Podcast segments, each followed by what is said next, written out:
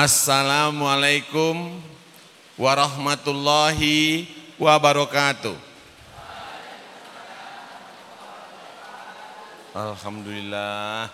Saya kira tadi saya berbicara kursinya kosong semua karena nggak ada yang jawab. Ternyata yang kedua ada yang jawab Alhamdulillah.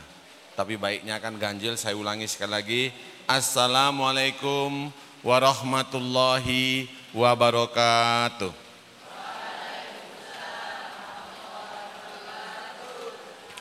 Alhamdulillahi rabbil alamin. Ar-Rahmanir Rahim. Maliki yaumiddin. Iyyaka na'budu wa iyyaka nasta'in. Asyhadu an la ilaha illallah wahdahu la syarikalah wa asyhadu anna Muhammadan abduhu wa rasuluhu la nabiyya ba'dah. A'udzu billahi minasyaitonir rajim. Ya ayyuhalladzina amanu taqullaha haqqa tuqatih wa la tamutunna illa wa antum muslimun. Wal asr innal insana lafi husrin illa ilal ladzina amanu amilus solihati wa tawassaw bil haqq wa tawassaw bis sabr. Yang kami muliakan para ustadz, sesepuh bini sepuh, wali santri maupun penduduk lingkungan, yang berbahagia para santri sekalian, Alhamdulillahirabbil alamin. Atas izin Allah saya bisa hadir di tengah-tengah tempat yang megah ini. Tempat di mana calon-calon insya Allah pemimpin bangsa lahir, amin. Calon manusia-manusia yang membawa perubahan ke arah yang baik di tempat yang indah ini tentu semua atas izin Allah Subhanahu wa taala. Nikmat yang Allah berikan ini mudah-mudahan kita bisa manfaatkan. Dalam kurun waktu beberapa menit saya menyampaikan satu dua hal. Baligu ani walau ayah.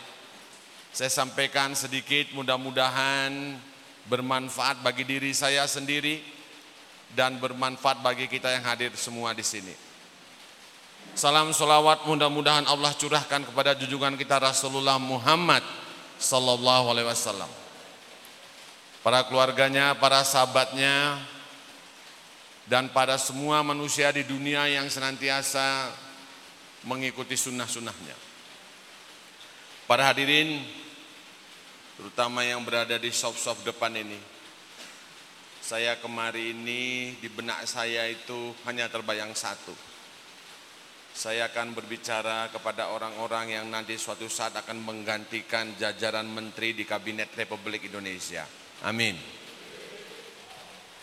Saya membayangkan anak-anak ini adalah mau gak mau, harus mau menggantikan para sesepuh yang memimpin tingkat nasional, tingkat provinsi, tingkat kota kabupaten, tingkat kecamatan, tingkat kelurahan, dan minimal nanti tingkat RW, tingkat RT.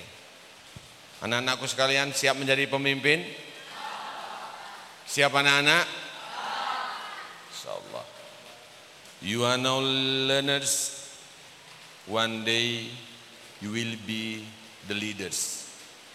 Kalian sekarang adalah pelajar. Suatu hari pasti kalian akan menjadi pemimpin.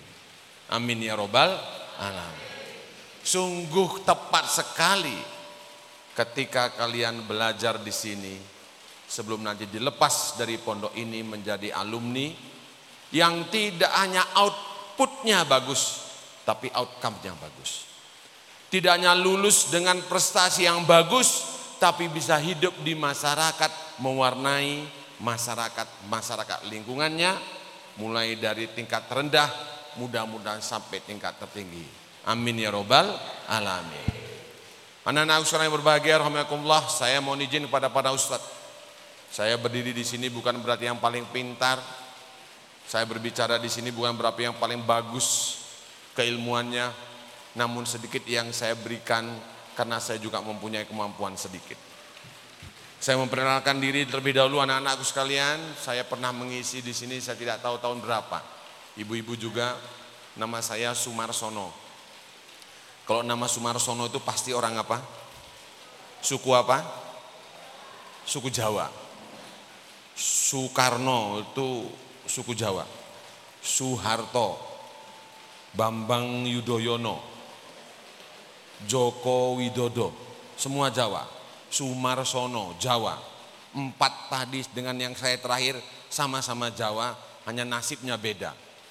Yang empat tadi presiden, saya bakalan calon presiden di tahun 2500 yang akan datang. Anak-anakku sekalian berbagi atas kepastian yang Allah berikan pada saya. Saya betul orang Jawa tapi saya terlahir di Batak, Sumatera Utara. 60 km dari Danau Toba. Tahu Danau Toba di mana? Di mana? Di mana Danau Toba? Di Indonesia betul, di Indonesia betul. Tadi sudah saya sebutkan di mana? Sumatera Utara. Siapa yang pernah ke Danau Toba? Aduh mah, nggak pernah ya, main kok gini-gini tok ya. Siapa yang kepingin ke Danau Toba? Duh, kepingin saja enggak ya, ya sudahlah. Nanti jalan-jalannya ke Temanggung, alun-alun saja, terus ke Pondok, terus Temanggung, alun-alun, terus Pondok, terus nanti pulang. Bok kepinginan lah. Coba saya angkat tangan, saya minta angkat tangan. Siapa yang kepingin ke Mekah dan Medina? Alhamdulillah. Turun. Bagus. Siapa yang kepingin ke Raja Empat? Bagus tuh ibu-ibu banyak itu. Itu anak-anak wanita mungkin santri ke Raja Empat. Tahu nggak Raja Empat? Raja Empat tuh saudaranya Raja Mebel. Raja Empat itu di mana? Irian Jaya. Kekayaan alamnya luar biasa. Saya minta tolong, tapi nanti kalau saya salah, tolong Ustaz dibenarkan. Tolong santri ini besok kalau keluar jangan di Jawa terus. Siapa yang ngopeni masyarakat ateis di Irian Jaya itu? Ya kamu. Coba angkat tangan. Siapa yang kepingin saya beri tugas ke Irian Jaya? Angkat tangan. Nah orang ono toh, nah ini maunya di daerah tenang-tenang saja. Gimana itu? Siapa yang mau besok tugas di Kalimantan? Nah kan orang no aduh. Siapa yang ngembu Sulawesi? Sulawesi. Satu orang, lurus mas. Kamu dari Sulawesi apa kepingin di Sulawesi? Kepingin ke Sulawesi angkat tangan. Angkat tangan tinggi. Nah bagus, tepuk tangan anak-anakku sekalian. Itu dicatat sama Allah, insya Allah kamu ke sana ya. Siapa yang ingin besok jadi ustadz di Aceh? Bagus, satu orang itu. Dah, dua dua orang. Nah ini mesti akeh. Siapa yang menjadi ustadz di, di Jawa? Di Jawa. Jawa Tengah angkat tangan. Ah, semua Jawa Tengah ini. Kapan ngisi ke sana? Baik, yang kedua. Tadi saya bangga karena di depan saya adalah calon-calon pemimpin. Mau nggak mau, harus mau. Ong Pak Jokowi Dodo udah daftar kok itu calon mati. Loh ya toh, menterinya sudah daftar semua. Calon mati, umur saya pun sudah daftar. Kalian yang muda-muda suatu saat pasti menggantinya. Maka saya gak bangga datang kemari. Mungkin saya kasih nanti satu dua hal yang dirahasiakan oleh Allah bisa kita terapkan. Yang kedua saya datang kemari, tolong ibu-ibu sama santriwati ada nggak ibu-ibu? Nggak usah angkat tangan ya, santri saja. Sepengetahuan saya, santri yang sekolah di sini semuanya kaya. Sepakat? Angkat tangan kalau sepakat yang kaya.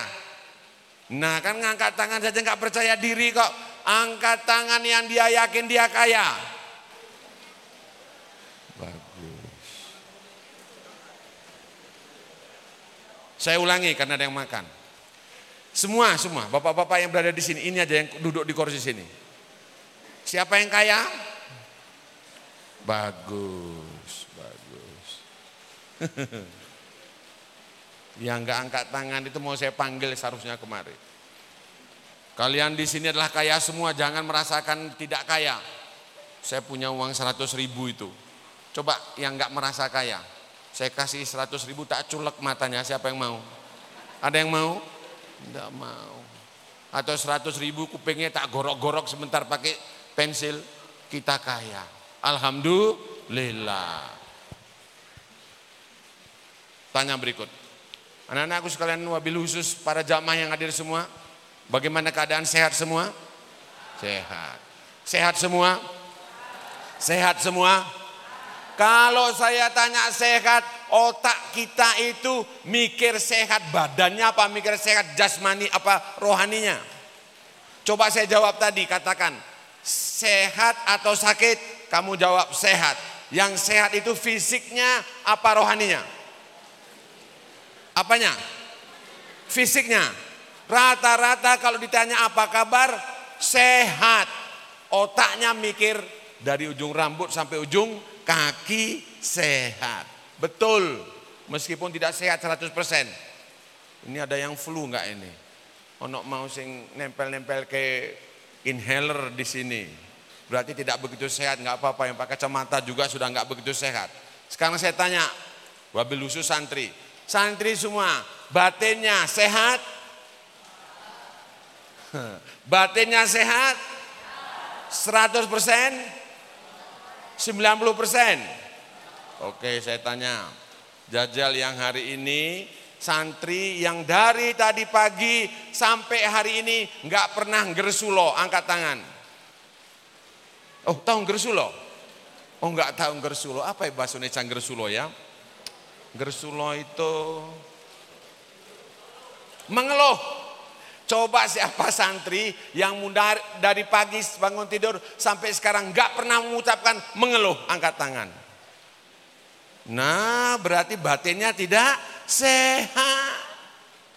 Hujan sudah mulai ngeluh, aduh hujan, aduh panas.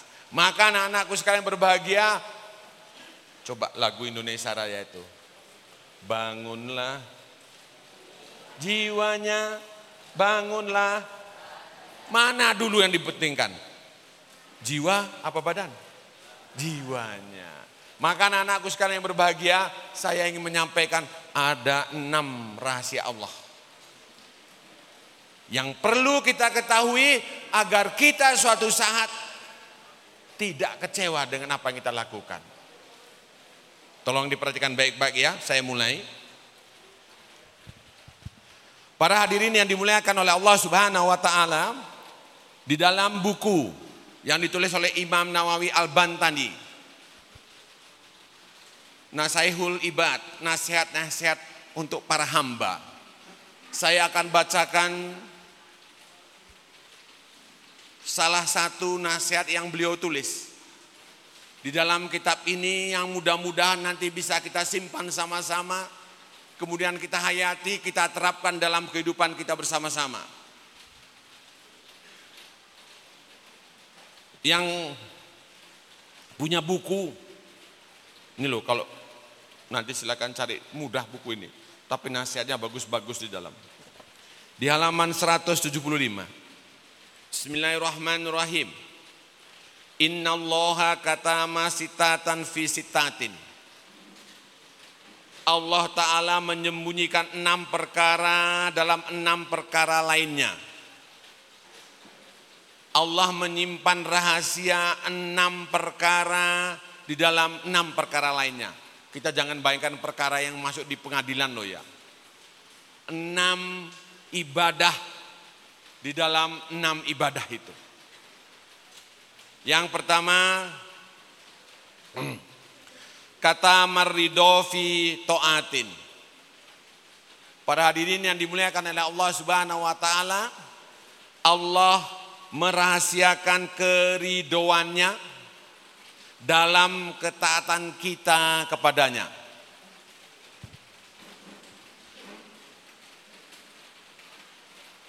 Jamaah yang berbahagia, setiap kali kita melakukan ibadah Allah tidak langsung menyebutnya apakah Allah itu ridho dengan ibadah kita atau tidak.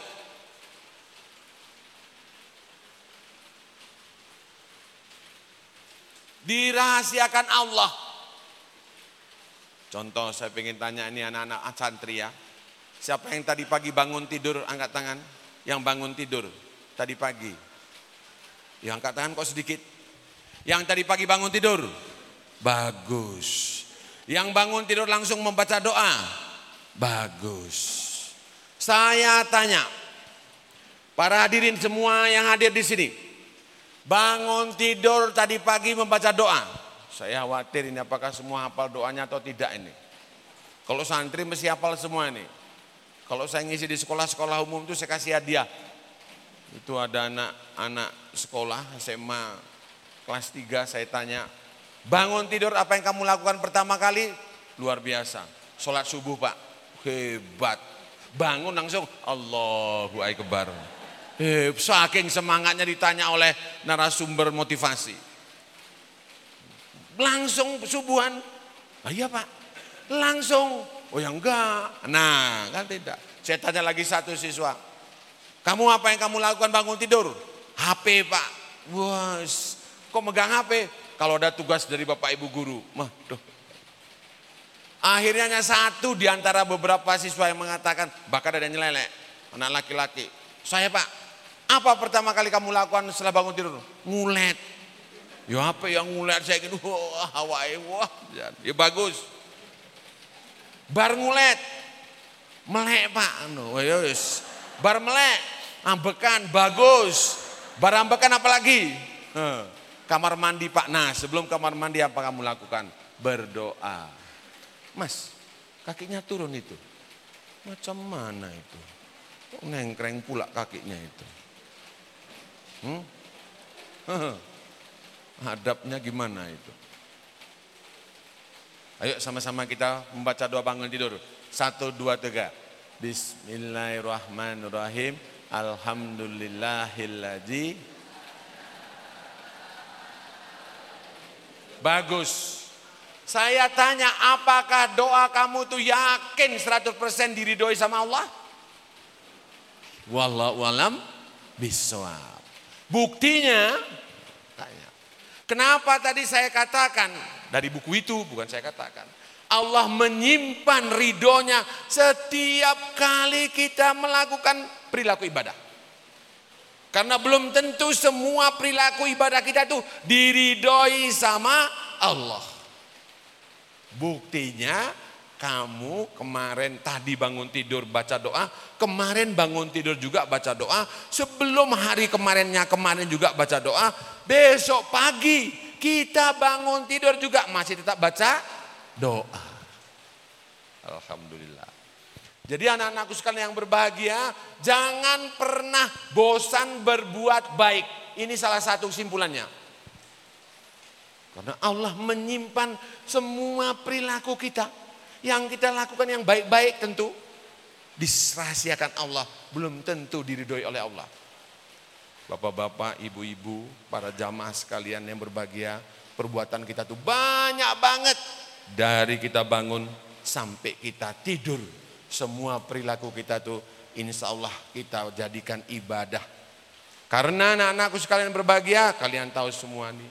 Di dalam surat apa? Nanti angkat tangannya. Saya bacakan Bismillahirrahmanirrahim. Wa ma khalaqtul jinna wal insa illa liya'budun. Surat apa? Surat apa? Al-Zariyat ayat ke ayat ke ayat ke 56. Jadi Bapak Ibu lan para siswa sekalian termasuk saya hidup kita ini Allah ciptakan Allah suruh hanya satu, ibadah kepada Allah. Tapi ibadah kita belum tentu mana yang Allah ridho. Makanya saya minta tolong pada kalian semua anak-anakku sekalian yang hadir di sini semua, jangan bosan berbuat baik. Kadangkala ada yang Allah berikan kepada kita karena perbuatan baik kita tapi kita tidak sadar. Anak-anak ada hadis riwayat Bukhari Muslim. Ada tiga pemuda, masih ingat ya? Jalan-jalan, hujan, ngiyuk masuk gua. Ketika mereka di gua, tiba-tiba tertutup batu besar. Ketika tertutup batu besar, Tiga orang itu mendorongnya tidak kuat. Maka mereka bertawasul kepada perbuatan mereka. Ibadah mereka. Satu, dua, tiga. Mereka menunjukkan ibadah mereka kepada Allah. Biiznillah atas izin Allah terbukalah batu itu. Itu hadis sohih. Dan itu fakta betul terjadi. Saya ingin cerita yang dekat-dekat saja kejadiannya. Anak-anakku sekarang betapa hebatnya perbuatan baik. Saya ingin cerita nih, pengalaman real. Di tahun 1970, masih kecil ya tahun 1970. Eh? Belum lahir? Oh belum lahir toh. Ada seorang mahasiswa kuliah di Erlangga, Jawa Timur. Anak itu ramitayani badannya. Lunglet. Balong karo kulit. Mahasiswa-mahasiswa setiap siang itu jajan. Dia belakangan kalau jajan, dia tanya bisik-bisik kepada yang punya kantin. Bu, waktu itu ya, bu, kalau nasi pakai rendang berapa? 1500. Kalau pakai telur 1000. Kalau pakai duduh, tahu duduh? Duduh itu apa? Kuah. Oh, kalau pakai duduh 500. Maka dia bilang, saya beli 500 saja. Apa yang terjadi anak-anakku sekalian? Setiap siang dia pelan pasti belakangan datang, Bu, nasi duduh 500 si penjual kantin itu ngelihat anak itu Ramitayani sebelum dikasih nasi dan duduk dikasih ceplok endok pak. Tutup. Ketika anak itu makan ih kaget dia. Loh saya pesennya nasi duduk kok ada ini? Dia makan selesai dia bayar selesai. Anak ini nggak pernah tanya bu kok katutan endok? Enggak. Si ibu juga nggak pernah tanya ki bocah kok matur nuwun? Tidak setiap siang anak tersebut datang ke, ke kantin itu, setiap siang ibu tuh ngasih ceplok endok, terus nasi, terus duduk. Perjalanan selesai lima tahun, ibu ini nggak ketemu sama anak itu tanya, eh mas, anak yang pungkring itu mana ya? Oh si Fulan bu, udah lulus dia. Oh ya sudah, alhamdulillah. Anak itu nggak ngucapkan terima kasih dan ibu itu juga enggak mangkel. Bocah kok kurang ngajar, orang ngucap ke terima kasih. Empat setengah tahun nasi endok duduh. Apa yang terjadi anak-anakku sekalian? Itu true story itu. Waktu berjalan kira-kira tahun 2010-an. Jadi sudah 30 tahun lebih. Kantin kampus itu dibongkar, dia disuruh keluar. Tanpa ganti rugi. Sementara saat itu, dulu waktu dia masih jualan itu masuk pengantin baru, saat itu dia membutuhkan untuk biayai anaknya. Maka kampus mengatakan, ibu silahkan ibu sudah 20-30 tahun di sini, keluar. Ini mau kamu kembangkan kampus ini. Nangis dia. Bismillah apa-apa. Tiba-tiba mobil uh, Camry, sedan Camry, sek datang, turun dua orang pakai dasi, turun Assalamualaikum ibu, Waalaikumsalam. Ibu sedang nangis nih. Ibu namanya bu ini, iya. Maaf ibu, ibu digusur, iya. Ibu kami diminta bos kami jemput ibu. Mau kami bawa ke tempat bos kami kepengen ketemu. Loh, siapa bos kamu? Pokoknya dia kepingin sama ibu. Jadi bosnya tuh tahu kalau itu digeser. Mas, jangan saya dibawa kantor polisi. Tidak bu. Dibawalah ibu ini dalam kurun waktu kota itu masuk ke sebuah perusahaan lantai 15. Bu, ibu turun bu. Itu direkturnya sebelah sana, pemilik perusahaan ini. Dud, anak yang tadi endok ceplok itu berdiri. Tapi pakai jas sama dasi. Ibu itu enggak pangling. Mas, itu siapa? Ya juragan kami yang punya ini. Dan dia dekat. Mas, masih ingat saya mas itu. Masih bu. Ibu ingat saya? Ingat. Kamu nasi toh? Iya. Ibu yang ngasih dok ceplok toh? Iya. Ya Allah. 30 tahun berpisah. Apa kata anak itu? Ibu ada masalah? Iya mas, saya gini gini gini. Udah bu, ini perusahaan saya. Ibu tinggal di sana itu kurang 9 kali 6 meter. Fasilitas kantin sudah saya kasih sampai ibu mengembuskan napas terakhir, ibu jualan di situ tanpa bayaran. Ibu itu bilang, mas saya nggak minta, saya ngasih bu. Lo kenapa mas? Ndok ceplok bu. Bayangkan. Ndok ceplok ibu yang empat setengah tahun itu. Saya tadinya nek makan nasi sama duduk tok. Pas mikir matematika, celing, kemot. Tapi ditambah dengan ceplok. Pikiran matematika saya itu cerdas. Saya lulus, saya punya perusahaan ibu. Gara-gara ndok ceplok ibu. Empat setengah tahun bu. Wah ibu itu nangis, anaknya juga nangis. Saya juga cerita. Mas, ndok ceplok berapa tuh harganya? Ya, kalau hanya ndok ceplok murah bu. Tapi keikhlasan ibu pada saya. Ibu nggak tanya sama saya. Saya nggak berterima kasih, saya pergi 20 tahun. Sampai sekarang saya nggak berterima kasih. Ibu nggak tanya sama saya. Itu masih kurang bu sebetulnya bu kebaikan ibu pada saya. Wah dua-duanya nangis. Anak-anakku sekalian, jangan sepelekin perbuatan baik. Sepakat? Sekecil apa pun. Saya kepingin ngecek nanti bar maghrib. Selesai maghrib keluar dari musola, kita lihat santri-santri nyari sandalnya bagaimana. Ih sandalku sandal siapa toko ganggu nah mulai dari itu kelihatan apakah kita punya komitmen berbuat baik ikhlas karena Allah ingat saudara-saudaraku sekalian berbuat baik tidak hanya di dalam masjid dan di ruang kelas tidak hanya ketika kita membaca Al-Quran dan mendengarkan kajian tapi harus diimplementasikan dalam kehidupan kita sehari-hari yang saya sebut tadi adalah outcome-nya Bagaimana lulusan pondok ini hidup di masyarakat, bermanfaat di masyarakat. Bukan karena nilainya lulus dengan nilai membanggakan, tapi perilakunya hidup di masyarakat dengan ahlakul karimah. Ini yang pertama, jangan pernah bosan berbuat baik sekecil apa pun kepada siapa pun, kapan pun. Cerita kedua. Suatu hari ada seorang bapak itu mengantar istrinya sakit sudah lama ke rumah sakit. Kemudian dokter hasil diagnosa memanggil bapak ini pak, ini istri bapak ini kok stadiumnya udah empat. Tenggorokannya ini kok kelihatannya ada kanker ganas. Aduh dokter terus gimana? Ya kami suntik pak. Sepuluh kali suntikan setiap hari satu. Ya monggo. Tapi kami izin bapak. Oh silakan.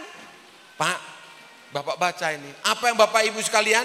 Satu kali suntikan 12 juta 500. Ya Allah. Satu kali suntik 12 juta 500. 10 kali. Maka sebentar ya Pak. Saya tak sholat dulu. Dia sholat duha. Baru sholat duha dia telepon ustadznya. Ustadz mohon maaf ustadz. Ganggu. Lo kenapa? Mohon doanya ustadz. Mohon doanya Ustadz. Saya istri saya bla bla bla bla begini. Ya Allah. Sabar mas. Ah Ustadznya bilang, eh sebentar. Antum pagi ini sudah bersedekah belum? Belum tat. Keluar. Sebelum kembali ke dokter kamu cari jalan-jalan tuh orang fakir miskin. Kasih punya uang berapa? Siap Ustadz. Nah waktu pakai sepatu setelah sholat. Dia lihat di sebelahnya tuh ada bapak menangis. Bapak menangis. Nangis bapaknya, dia tanya. Assalamualaikum pak. Waalaikumsalam mas. Bapak kenapa? Istri saya mas. Innalillahi. Enggak mati mas. Loh kok bapak kok nangis? Bukan mati mas. Istri saya itu sehat. Ya alhamdulillah toh pak. Tapi saya nggak bisa bawa keluar mas. Karena harus membayar 700 ribu. Dia buka dompetnya ada uang satu juta. Kelingan sama Ustadz tadi. Bapak nih Bapak tebus istrinya. Mas kebanyakan saya kembalikan 300. Enggak, saya mau nyumbang 1 juta. Enggak mas, saya nompornya pitung atus. Nah, saya mau nyumbang satu juta pak, bawa semua pak. Enggak mas, saya kakean ini. Enggak mas, pergi bapak ini. Mas, mas. Pergi dia. Apa yang terjadi para hadirin yang dimuliakan Allah? Kalau Allah berkehendak kun, kun kun fayakun.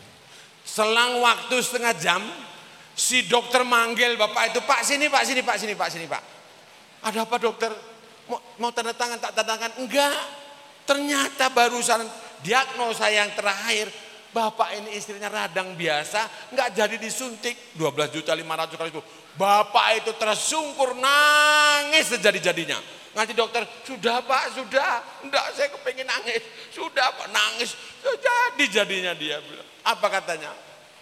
Pak kenapa toh kayak gitu nangisnya? Dia bilang, saya barusan ngobatin istri saya. Loh, kok malah bapak yang ngobatin? Iya. Dengan apa pak? Dengan uang satu juta. Loh, ceritanya gimana pak? Ada tadi bapak-bapak itu istrinya sehat. Nggak bisa keluar rumah sakit, saya kasih satu juta, dia butuh tujuh ratus. Dokter-dokter itu bengong semua. Ya Allah. Jadi anak-anakku sekalian wabil khusus semua para jamaah yang di sini berbuat baik ikhlas tanpa mengharap apa pun. Belum kita nggak tahu. Jangan-jangan perbuatan baik yang kecil itu pun Allah ridho. Dan itu menyebabkan kita hidupnya fit dunia hasanah wa fil akhirati hasanah wakina ajabana. Anak-anak siap berbuat baik? Siap? Luas banget berbuat baik ini. Saya cerita baru dua atau tiga. Banyak cerita yang saya dapat dari clipping-clipping true story itu. Dari majalah-majalah. Betapa hebatnya perbuatan baik yang kadang-kala kita sepelekan. Maka nomor satu adalah jangan pernah bosan berbuat baik. Sekecil apa pun, di mana pun, kapan pun kepada siapa pun. Nomor satu. Termasuk lisan. Hati-hati. Ini saya ceritanya sama Ustadz. Ternyata nggak boleh pakai HP. Bagus. Ming besok kalau pulang ke rumah pasti sudah megang. Nah, pasti sudah membuka. Hati-hati. Nomor satu ya, nomor dua. Nomor dua, Umar bin Khattab meriwayatkan bahwa kata mal godoba fi maksiat. Umar bin Khattab mengatakan Allah merahasiakan marahnya saat kita melakukan maksiat. Bapak ibu sekalian yang berbahagia, jangan sepelekan kalau tadi berbuat baik, Jangan sepelekan perbuatan jelek kita sekecil apa pun. Faman ya'mal miskola zarratin saroyyaroh. Allah akan membalas perbuatan jelek kita meskipun sekecil jarah. Jadi anak-anakku sekalian berbahagia ketika kalian berbuat jelek, jangan sepele ke, Allah ora apa-apa. Misal, misal, misal. Tapi saya tanya dulu nih santri, jujur ya, jujur. Santrinya angkat tangan. Sel, selama di pondok sini, pernahkah ada tes tertulis? Ada? Ada? Oke. Coba angkat tangan, jujur, jujur. Siapa di sini santri yang saat tes tertulis enggak pernah ngepek, angkat tangan. Enggak pernah ngepek. Tahu ngepek? Oh enggak tahu ngepek ya. Nyontek. Buka catatan kecil-kecil. Sebentar saya tanya, saya ulangi. Jujur, enggak usah takut. Jangan-jangan aduh ketahuan sama ustadznya. Oh kamu lebih bagus jujur. Takut sama Allah sama ustadz. Ustadz juga manusia. Ayo anak santri. Siapa di sini ketika ujian nggak pernah buka-buka buku, nggak pernah buka-buka nyontek, nggak pernah ngeliat teman-temannya. Angkat tangan. Wih, wih, kok satu orang tok ya? Dua orang tiga orang. Saya ulangi, kalau gitu saya ulangi. Siapa siapa yang selama nyantri di sini pernah ngepek angkat tangan? Jujur saja. Jujur. Bagus. Ya sudah enggak apa-apa. Enggak apa-apa. Orang apa-apa. Saya jadi guru 36 tahun. Jangankan kamu, oh aku biasa sudah ngepek. Namanya ngepek itu sejak zaman Sokrates sampai besok mau kiamat mesti ada. Ayo yang tadi ngepek istighfar tiga kali ayo. Satu, dua, tiga. Astagfirullah. Astagfirullahaladzim. Sudah. Hati-hati, maaf betul. Besok jangan diulang lagi ya. Jangan gini, oh nggak ada yang lihat kok. Well, kamu tuh nggak ada yang lihat. Oh kamu ngelihat kok, nggak ada yang ngelihat. Malaikat ngelihat, Allah juga melihat. Bapak-bapak, ibu-ibu, jamaah yang ada di belakang sana dan anak-anak. Perbuatan kecil yang maksiat, ojo disepeleke. Nek pas ngelakoni itu, Allah nggak ridho, remuk kita. Maaf, maaf, saya tidak tidak sudon ya. Pernah dengar lagu ini? Tapi teks itu sudah diralat sama ulama, tapi saya bacakan aslinya. Mungkin Tuhan mulai bosan melihat tingkah kita yang selalu salah dan bangga dengan dosa-dosa atau alam mulai enggan bersahabat dengan kita. Terus? Teruskan. Dah. Bapak-bapak, ibu-ibu, EBIT GAD mengatakan bahwa maaf. Kadangkala bencana itu turun karena perbuatan manusia. Apa enggak ngeri Pak? Ibu-ibu, Dulu kalau anak laki, anak perempuan nggak pulang maghrib kita susah setengah mati. Sekarang nih anak laki-laki nggak pulang maghrib kudu stresnya ditambah. Kenapa? Sekarang nikah laki-laki sama laki-laki boleh. Apa nggak ngeri? Yang punya dunia ini lillahi mafis samawati wa mafil Allah yang punya dunia langit dan seisinya, kita juga berbuat seenaknya. Maka Allah akan memberi azab kepada kita. Karena kita nggak takut ketika kita berbuat maksiat. Maka anak-anakku sekalian berbahagia rahimakumullah dan para ibu semuanya. Hati-hati ketika kita berbuat maksiat. Jangan pada ke kecil, apalagi nyepele ke. Allah, engkau aku berbuat maksiat, baru istighfar kak rampung. Ya Allah, nyepele ke itu. Maka para hadirin yang dimuliakan Allah nomor dua tadi Umar mengatakan jangan berani-berani berbuat buruk sekecil apa pun di mana pun kapan pun. Maaf. Nah, ini kalau di sini sok nonton TV enggak nonton? Nonton. Tuh kurang lima menit. Ada enam baru dua sekarang lagi rame di televisi itu Rembo. Tahu Rembo? Rembo. Rembo. Enggak nonton ya udahlah. Bintangnya berapa Rembo itu? Enam. Sini dua, sini dua, sini dua. Hebat. Tapi karena perbuatannya kecil kebongkar semuanya. Anak-anak sekalian berbahagia. Kita bisa ngelak dari manusia, CCTV baru bagian kecil dari hebatnya Allah. Tapi Allah maha tahu. Maka anak-anakku sekali berbahagia, mulai detik ini hati-hati jangan berbuat maksiat sekecil apa pun. Bapak-bapak, ibu-ibu, sekarang itu yang paling buat maksiat ternyata sekarang tidak mulut, tapi apa? Jempol. Megang apa?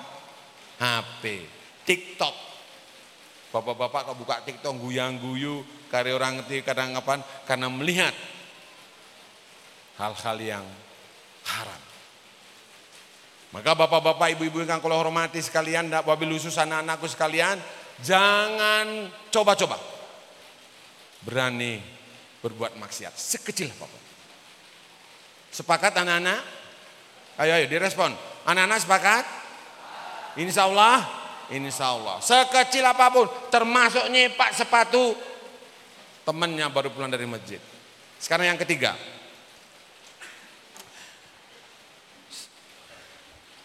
Yang ketiga singkat tapi tidak perlu saya jelaskan.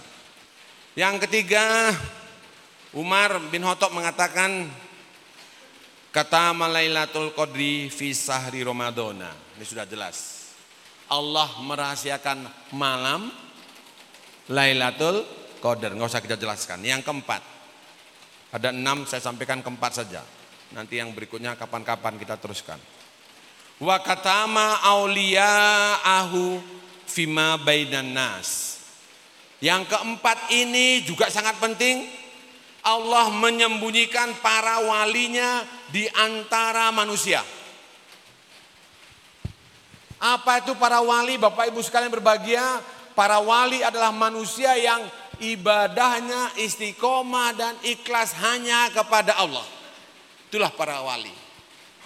Tidak bisa ditunjukkan dengan pakaiannya, sorbannya, atau selendangnya, atau perangkat-perangkat ibadah lainnya. Tapi walinya adalah orang yang istiqomah beribadah. Ikhlas semata kepada Allah. Disembunyikan di antara kita. Artinya Artinya para hadirin yang dimuliakan oleh Allah Subhanahu wa taala, jangan sekali-kali menghina orang lain. Jangan sekali-sekali husnudon kepada orang lain. Kita tidak tahu apakah orang yang kita husnudoni itu jangan-jangan itu walinya Allah. Jadi anak-anakku sekalian berbahagia, wabil khusus para jamaah, jangan pernah terlebih orang yang dekat dengan kita. Suami kepada istri, istri kepada suami, orang tua kepada anak-anak, kepada orang tua, sebuah rumah tangga kepada tetangganya, sebuah masyarakat kepada masyarakat lainnya. Jangan pernah merendahkan orang lain. Jangan-jangan orang yang kita rendahkan itu justru lebih mulia dari kita. Justru orang itu adalah walinya Allah. Hati-hati kita dalam bergaul wabil khusus bermedsos. Sekarang ini mau masuk tahun pemilu. Tahun politik Jenengan pasti mau nggak mau akan dikirimin gambar, kalimat yang isinya walau alam besar, mungkin fitnah, memojokkan, menyalahkan, membuka aib orang. Maka bapak-bapak, ibu-ibu, janganlah direspon. Langsung saja delete. Maka ada seorang ustadz di sebuah televisi menyampaikan Salah satu kebahagiaan di zaman sekarang ini adalah kita nggak punya banyak grup. WA Nikolo, grup SMA, grup SMA, grup teman sekantor, grup dasawisma, grup RT, grup masyarakat senam, grup semua. Tiap hari kerjanya hanya buka tang ting tang ting tang ting. Sudah itu isinya nggak karuan, nggak karuan. Dan kadangkala membuat kita itu jadi orang gila. Saya pernah dicap istri saya kayak orang gila ya pernah. Saya buka HP istri saya bilang, guyang guyu koyo ngedan gitu. Saya mau nggak guyu kenapa? Karena WA-nya lucu kalimat dari seorang istri izin kepada suaminya, apa? kok aku diizinkan diantar kolam renang. Jadi istrinya itu gemuk. Nah potoma kok dengaren, aku kepingin langsing. Bapaknya bilang, ma, kue ngerti ora? Iwak paus, kue nang laut renang ora langsing. Maka istrinya nerimo, rapopo ya wes. Suatu hari istrinya pamit ke pasar, pa aku nang pasar ya, tak tinggal sih ya. Eh mah, ojo lali, tuku ke pisang. Kok dengerin jaluk pisang, aku kepingin kulit kuku halus. Istrinya balik, pa ngerti munyuk ora apa? Munyuk ki mampi sang saka ora tau halus. Bapaknya nesu, "Kowe kok padake aku munyuk?" Apa-apa padake aku kan paus e. Nah, nah, nah aku sekali berbahagia. Kadang kala ya kalau kayak kayak gitu sih nggak nyinggung siapa-siapa ya. Mohon maaf kalian gemuk-gemuk sini saya nggak nyinggung loh Bapak Ibu. Kadang kala bisa membuat kita tertawa. Nek tertawa sendiri nanti edan lama-lama Bapak Ibu sekalian berbahagia. Tapi kalau bisa jangan kita kirim-kirim. Apalagi hari ibu ini. Wah kalimatnya pertama sih nyedihkan, tapi lama-lama gawe guyu, lama-lama jengkel ke. Kata ibu diplesetkan macam-macam. Maka bapak ibu jangan nyepelekan orang lain, jangan merendahkan orang lain, jangan membuka aib orang lain. Selesai? Itu saja saya sampaikan. Anak-anak diulang. Nomor satu tadi apa? Nah, nomor bapak-bapak jangan berbicara. Anak-anak, nomor satu tadi apa? Jangan bosan berbuat baik. Nomor dua, jangan coba-coba berbuat maksiat. Nomor tiga, dirahasiakan malam Lailatul Qadar. Nomor empat, jangan pernah merendahkan orang lain. Lakukan it, do it, forever you are, wherever you friends.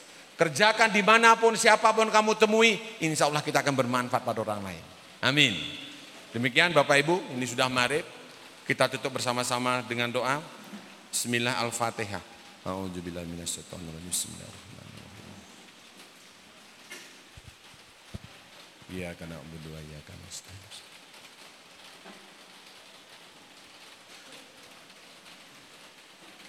Bismillahirrahmanirrahim. Alhamdulillahi Rabbil Alamin Allahumma salli ala Muhammad wa ala ali Muhammad Allahumma afir lil muslimina wal muslimat Wal mu'minina wal mu'minat. Al ahya'i minkum wan anwad Innaka kulli sa'in qadir. Allahumma rabbana zalamna anfusana Wa lam taghfir lana wa tarhamna lanakunanna minal khasirin. Rabbana la tuji qulubana ba'da ijahdaitana Wa hab lana min ladunka rahmah innaka antal wahhab. Rabbana atina fid dunya hasanah wa fil akhirati hasanah wa qina azabannar. Ya Allah, jadikanlah pertemuan kami ini pertemuan yang kau ridhoi. Jadikanlah ilmu kami tambah, kami terapkan dalam amal-amal kami dan kau terima amal kami sebagai pemberat kami masuk surga ya Allah. Ya Allah lindungilah kami, lindungilah kedua orang tua kami, kasihanilah mereka ya Allah. Ya Allah ya Rob, santri kami sebentar lagi libur. Lindungilah mereka ya Allah agar tidak terkena hal-hal maksiat. Sehatkanlah orang tua mereka. Berilah rezeki kepada orang tua mereka. Agar mereka bisa langsung melaksanakan sekolah di waktu-waktu yang akan datang. Ya Allah berkahilah pondok kami. Berkahilah ustadz ustadzah kami.